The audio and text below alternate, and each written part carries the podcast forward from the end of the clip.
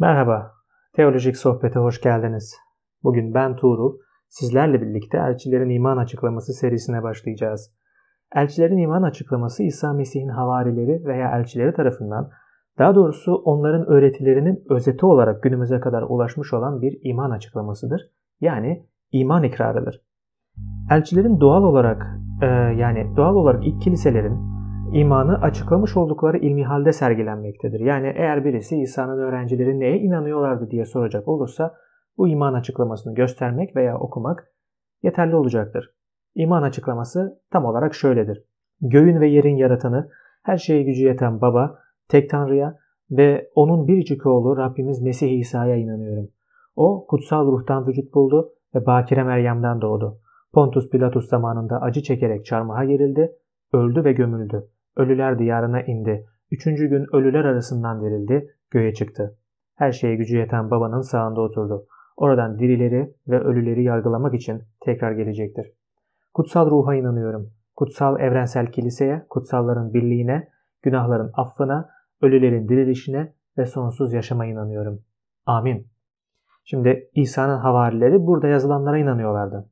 Kutsal kitapta okudu, kutsal kitabı da okuduğumuz zaman bunun böyle olduğunu görüyoruz. Demek ki hiç kimse ne İncil metnini tahrif etmiştir ne de elçilerin iman açıklamasını.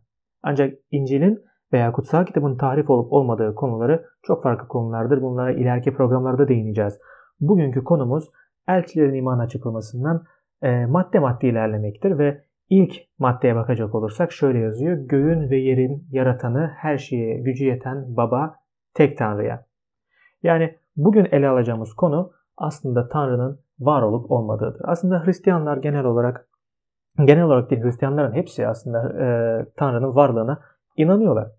E, Hristiyanlar Tanrı'nın tek olduğuna inanıyorlar. E, yasanın tekrarı bölümünde söylediği, söylendiği gibi e, Tevrat bölümünü açarsanız eğer e, eski antlaşma kısmını daha doğrusu açarsanız e, Musa'nın 5 kitabı var. Yaratılış, Mısır'dan çıkış, çölde sayım, Levililer ve e, yasanın tekrarı. Bu kitaplarda bizlere aslında e, Tanrı'nın ilk dönemlerde İsrail'i seçmiş olduğu dönemlerde neler yaptığını, İsrail'den önce de dünyada e, neler yaptığını, yaratılış kısmını falan anlatmaktadır. Ancak e, yasanın tekrarı bölümünde, yasanın tekrarı 6. bölüm 4. ayette, 4 ve 5. ayetlerde şöyle diyor. Bir iman ikrarıdır bu da aynı zamanda. Dinle ey İsrail, Tanrımız Rab, tek Rab'dir. Tanrınız Rabbi bütün yüreğinizle, bütün canınızla ve bütün gücünüzle seveceksiniz diyor. Demek ki Hristiyanların inandığı Tanrı tek Tanrı'dır. Hristiyanlar 3 Tanrı'ya, 5 Tanrı'ya ya da 6 Tanrı'ya inanmazlar. Ee, Hristiyan inancı monoteist bir inançtır. Yani tek tanrıcı bir inançtır. Bunun başka bir açıklamasında, başka bir örneğini de Yaşaya bölümünde görürüz. Yine eski antlaşmaya ait Yaşaya bölümü 44. E, bölüm 6. ayette şöyle diyor. Rab, İsrail'in kralı ve kurtarıcısı, her şeye egemen Rab diyor ki ilk ve son benim. Benden başka Tanrı yoktur. Demek ki Tanrımız tek Tanrı'dır. Ama bu tek Tanrı elbette ki üçlü birlik bir Tanrı'dır. Tanrı'nın e, sadece tek bir kişiden ibaret olmadığını biliyoruz. Tanrı üç kişidir. Baba, oğul ve kutsal ruh. İman açıklamasında da açıklandığı gibi. Ancak onlara e, bu konuya daha sonra geleceğiz. Fakat Hristiyanlar gelen olarak tek Tanrı'ya inanıyoruz. Ancak biliyoruz ki dünyada e, Tanrı'ya inanmayan, Tanrı'nın varlığını kabul etmeyen bir sürü insan var. Bunlardan bir tanesi de işte ateistler veya agnostikler mesela diyorlar ki biz Tanrı'nın var olup olmadığını bilemiyoruz. Tanrı var mıdır, yok mudur ya da varsa nasıl biridir? Bu konuda fikrimiz yok diyorlar. E, fakat bizler Hristiyanlar olarak hem kutsal kitaptan gördüğümüz kadarıyla hem de e, yaşadıklarımız kadarıyla bunu bunu söyleyebiliriz ki Tanrı vardır ve Tanrı tektir. Şimdi çok mu Tanrı var, az mı Tanrı var bunlara belki daha sonra gireriz ama e, Tanrı'nın varlığını nereden bilebiliyoruz? Bunu nereden anlayabiliriz? E, buna biraz odaklanalım. E, Hristiyanlar aslında Tanrı'nın tek olduğunu söylerken e, bunu yalnızca e, işte biz öyle hissediyoruz veya e, işte bence vardır tarzında bir argümanlı değil. Kutsal kitabın temelinde bize açıklanan Tanrı'nın tabiatı çerçevesinde e, bir cevap vermektedirler. Yani kutsal kitapta Tanrı e, en bilge, en akıllı, en güçlü, en iyi, en kutsal yani tüm enlerin, tüm olumlu enlerin toplandığı kişidir Tanrı. Ee, Tanrı en mükemmeldir diyorum mesela. Yani mükemmelin var olması için pardon mükemmelin mükemmel olması için diyelim e, onun var olması şarttır. Bu yüzden e, birisi ben Tanrı'ya inanmıyorum dediği zaman Tanrı derken neyi kastediyorsun sorusunu sormak yerinde olacaktır. Yani e, çünkü Tanrı'dan kasıt sadece bir yaratan ise e, Hristiyanlar böyle bir Tanrı'ya inanmazlar. Yan, yalnızca yaratmakla, yaratmakla e, kısıtlanmış bir Tanrı'ya inanmazlar. Hristiyanların inandığı Tanrı e, her şeye gücü yetendir, her yerde olandır, her şeyi bilendir ve tüm enlerin toplandığı Tanrı'dır. Bu yüzden şuna bakmalıyız aslında. Tanrı e, varlığını dünyada bizlere nasıl kanıtlamaktadır? Ya da bize göstermekte midir gerçekten var olduğunu? Kutsal kitaba göre evet. Kutsal kitap Tanrı'nın e, kendisini yaratılışta gösterdiğini e, anlatıyor. Bu yaratılış yalnızca işte ağaç, yaprak, taş, toprak değildir veya deniz değildir sadece. Ancak aynı zamanda göklere baktığımız zaman da Tanrı'nın var olduğunu görebiliyoruz. Gezegenler, yıldızlar vesaire. Galak, koskoca galaksi mesela Tanrı'nın var olduğunu bizlere e, adeta çığlık atarak, haykırarak anlatıyor. Ve bizler de buna inanıyoruz. Ancak bunun da ötesinde e, şunu düşünmemiz lazım aslında. Tanrı e, mutlak e, bir varlıktır. Tanrı mutlaktır. Yani Tanrı değişken değildir. Tanrı e, 1950'de farklı, e, 1812'de farklı veya ne bileyim 3000 yıl önce farklı bir Tanrı değildir. Tanrı her zaman aynıdır. Ezeli ve ebedi olduğuna inanıyoruz ve Tanrı'nın e, varlığı eğer inkar ediliyorsa, bakın şurayı dikkatlice dinleyin. Eğer Tanrı'nın varlığı inkar ediliyorsa e, dünyada hiçbir şekilde hiçbir konuda mantık yürütemeyiz demektir. Tanrı yok ise mantık yasaları da yok demektir. Çünkü e, mantık da aynı zamanda Tanrı gibi e, evrenseldir, değişmezdir. E, mantık zaman, mekan veya insana bağımlı değildir. Mantık evrim veya tesadüf sonucu var olmayacağına göre onu yaratan birisi vardır. Ve eğer mantık yaratılmışsa mantığı yaratan da mantık üstü birisidir. Ve işte o yaratana biz de Tanrı diyoruz. Onun Tanrı olduğuna inanıyoruz. Mantığı yaratan da Tanrı'dır. Şimdi mantık e, insanların karar vereceği bir şey değil. Dünyanın her yerinde yani bugün e, istediğiniz kıtaya gitseniz ister Avustralya'ya gidin, ister Amerika'ya gidin, Afrika'ya gidin, Asya, Avrupa hiç fark etmez. Herhangi bir kıtaya gideceğiniz zaman orada sıradan bir insanı yanınıza çekip basit sorular sorsanız tamamen aynı cevapları alacaksınız. Nedir mesela bu cevaplar? Tabii klasik mantık sorularıdır bunlar ama e, mesela yani çelişmezlik yasası. Çelişmezlik yasası nedir mantığa göre? Çelişmezlik yasası aslında e, bir şeyin hem var olup hem de e, var olmayacağının imkansız olduğunu e, ifade eden bir yasadır. Yani çelişmezliktir, çelişmezdir. Şimdi mesela ben e, hem Türkiye'de olup hem de Almanya'da olamam. Ben hem erkek hem de kadın olamam. Mümkün değil. Ben ya erkeğim ya kadınım. Ya Türkiye'deyim ya Almanya'dayım. Bunun gibi bir şey. Yani Tanrı ya vardır ya yoktur. Şimdi bu mantık evrensel olduğuna göre sıradan bir insana eğitim seviyesi hiç önemli değil, tahsili hiç önemli değil. Sıradan bir insana gidip de mantık sorusu sorduğunuz zaman size tamamen aynı cevabı verecektir. Diyecek ki evet e, bu doğrudur. Yani bir şey hem beyaz hem siyah olamaz. Bir şey ya beyazdır ya da siyahtır. E, ya büyüktür ya da küçüktür. Şimdi bunları e, düşündüğümüz zaman şunu diyebiliriz. Evet bu evrenseldir ve bunun evrensel olmasının sebebi nedir aslında? Yani e, insanlar evrim sonucu mu bunu elde ettiler? Ya da e, insanlar bir anda mı hadi toplanalım bakalım mantık yasaları nasıldır? Bir konsey yapalım, bir birlik yapalım, bir kurul meclis kuralım. İşte çelişmezlik yasası yapalım mı yapmayalım mı? Bu şekilde mi karar verdiler gerçekten? Yani böyle bir şey yok elbette. Çünkü eğer böyle bir şeyse mantık mutlak değildir.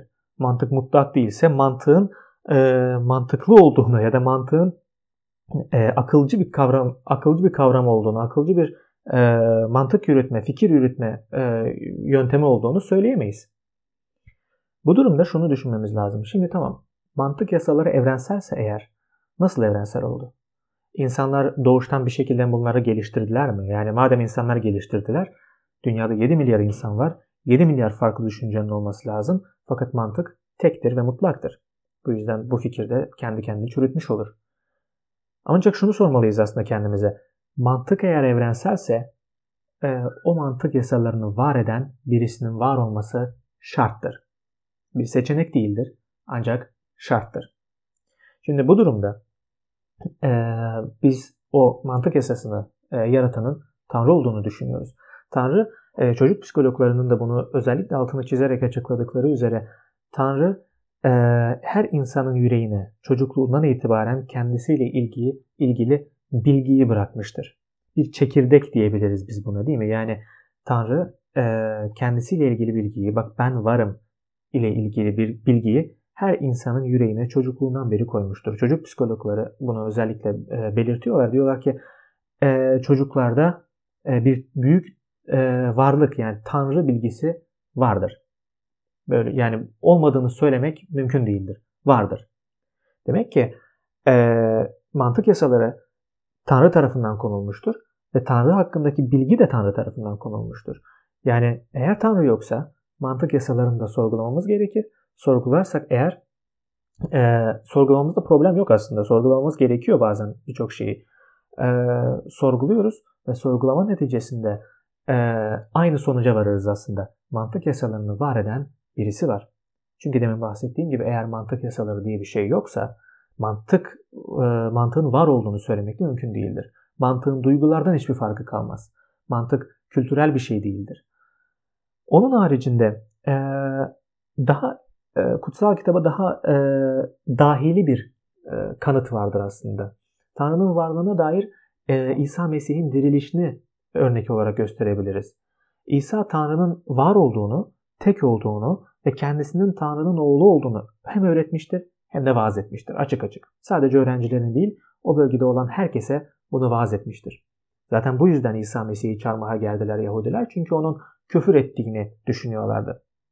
Şimdi e, İsa hakkındaki yüzlerce peygamber ve kehanet, yüzlerce peygamberlik ve kehanet vardı. Yani e, İsa Mesih'in e, dünyaya geleceğini, İsa Mesih'in çarmıha gerileceğini, e, nerede doğacağını, nasıl öleceğini, e, neler söyleyeceğini, mesajının ne olacağını ve buna benzer daha birçok şeyi e, anlatan peygamberlikler var. Eski antlaşmada yani e, bugün Yahudilerin yalnızca kabul ettiği e, kısım yani İncil'i kabul etmiyorlar. Sadece kabul ettikleri kısım eski antlaşma diyoruz Hristiyanlar olarak. Eski antlaşmanın içerisinde e, yaklaşık olarak 350 tane peygamberlik vardır e, İsa Mesih ile ilgili. Şimdi bu durum böyle olduğuna göre e, İsa bir şey söylüyorsa ve e, Tanrı'nın tek olduğunu söylüyorsa, kendisinin Tanrı'nın oğlu olduğunu söylüyorsa ve var olan peygamberlikleri gerçekleştiriyorsa bu İsa'da tabiri caizse bir şey vardır. Bu İsa'nın söylediği doğrudur. Onun dışında e, İsa'nın söylediği her şey gerçekleşti. Yani hem İsa hakkında söylenen şeyler gerçekleşti, hem onun söyleyeceği gerçekleşti, hem onun söylediği şeyler gerçekleşti. İsa ölüp dirileceğini, bunun günahların bedelini ödemek için olduğunu söylemişti Markus 10.45'te. Şöyle diyor, e, çünkü insanoğlu bile hizmet etmeye değil, hizmet etmeye ve canını birçokları için fidye olarak vermeye geldi. E, onun dışında yine eski antlaşmaya dönüp bakacak olursak, e, bu peygamberliğin aslında İsa'dan 700, 700 yıl önce yazıldığını kabul ediyoruz ve biliyoruz aslında arkeolojik ve tarihi kanıtlar bize bunları söylüyorlar. Şöyle diyor Yaşaya 53. bölüm 5. ayet. Oysa bizim isyanlarımız yüzünden onun bedeni deşildi. Bizim suçlarımız yüzünden o eziyet çekti. Esenliğimiz için gerekli olan ceza ona verildi. Bizler onun yaralarıyla şifa bulduk. Her şey İsa'nın söylediği gibi oldu. İsa öldü ve dirildi.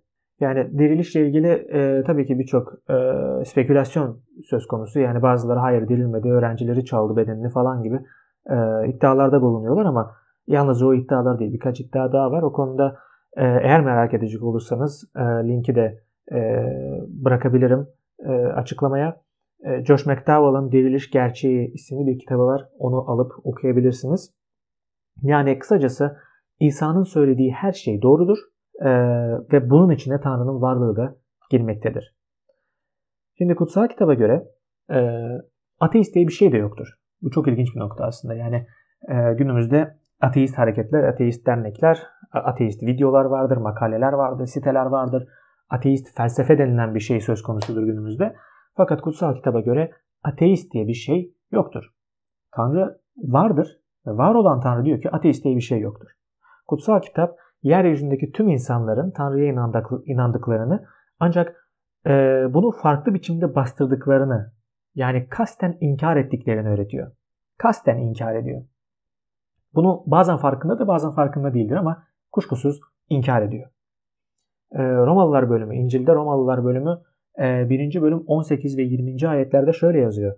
Haksızlıkla gerçeğe engel olan tüm insanların bütün tanrısızlığına ve haksızlığına karşı Tanrı'nın gazabı gökten açıkça gösterilmektedir. Çünkü Tanrı'ya ilişkin bilinen ne varsa gözlerinin önündedir. Tanrı hepsini gözlerinin önüne sermiştir. Tanrı'nın görünmeyen nitelikleri yani sonsuz gücü, sonsuz gücü ve tanrılığı bütün dü- dünya yaratılalı beri onun yaptıklarıyla anlaşılmakta, açıkça görülmektedir. Bu nedenle özürleri yoktur. Kutsal kitaba göre Tanrı'nın varlığını kabul etmemek akılsızlıktır. Kutsal kitap böyle bir şeyin altını özellikle çiziyor. Şöyle diyor e, mezmurda yine eski antlaşmada e, Davut'un yazdığı mezmurlarda şöyle yazıyor. Akılsız içinden Tanrı yok der. İnsanlar bozuldu, iğrençlik aldı yürüdü, iyilik eden yok. Yani kutsal kitap aslında Tanrı'nın e, var olduğunu, Tanrı'nın olmadığını iddia edenlerin e, aslında bunu kasten inkar ettiklerini, belli başlı duygular neticesinde, yaşanmışlıklar neticesinde inkar ettiklerini söylüyor.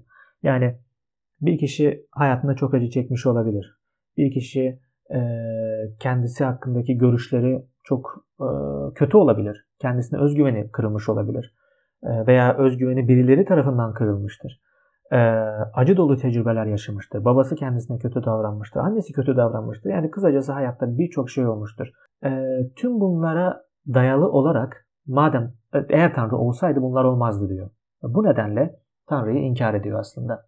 Yani e, Tanrı'yı inkar etme sebebi bu olarak görülüyor. Fakat kutsal kitap böyle bir şeyin olmadığını söylüyor.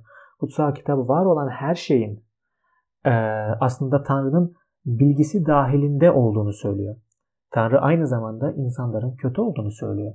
Yani başımıza kötü bir şeyin gelmesi, kötü tecrübelerden, kötü tecrübelerden geçmemiz Tanrı'nın var olmadığını değil, insanların kötü olduğunu bizlere gösteriyor. Ve Tanrı bize her zaman elini uzatıyor. Tanrı her daim bizlere elini uzatıyor ve aslında e, bizim iyiliğimizi istiyor. Bunu her daim e, altını çizerek belirtiyor. Şimdi e, demek ki Tanrı'yı inkar etmek e, yalnızca kutsal kitaba göre yalnızca akılsızlığın e, ve bozulmuşluğun ve kötülüğün sonucudur. Yani Tanrı'yı bilerek inkar etmek.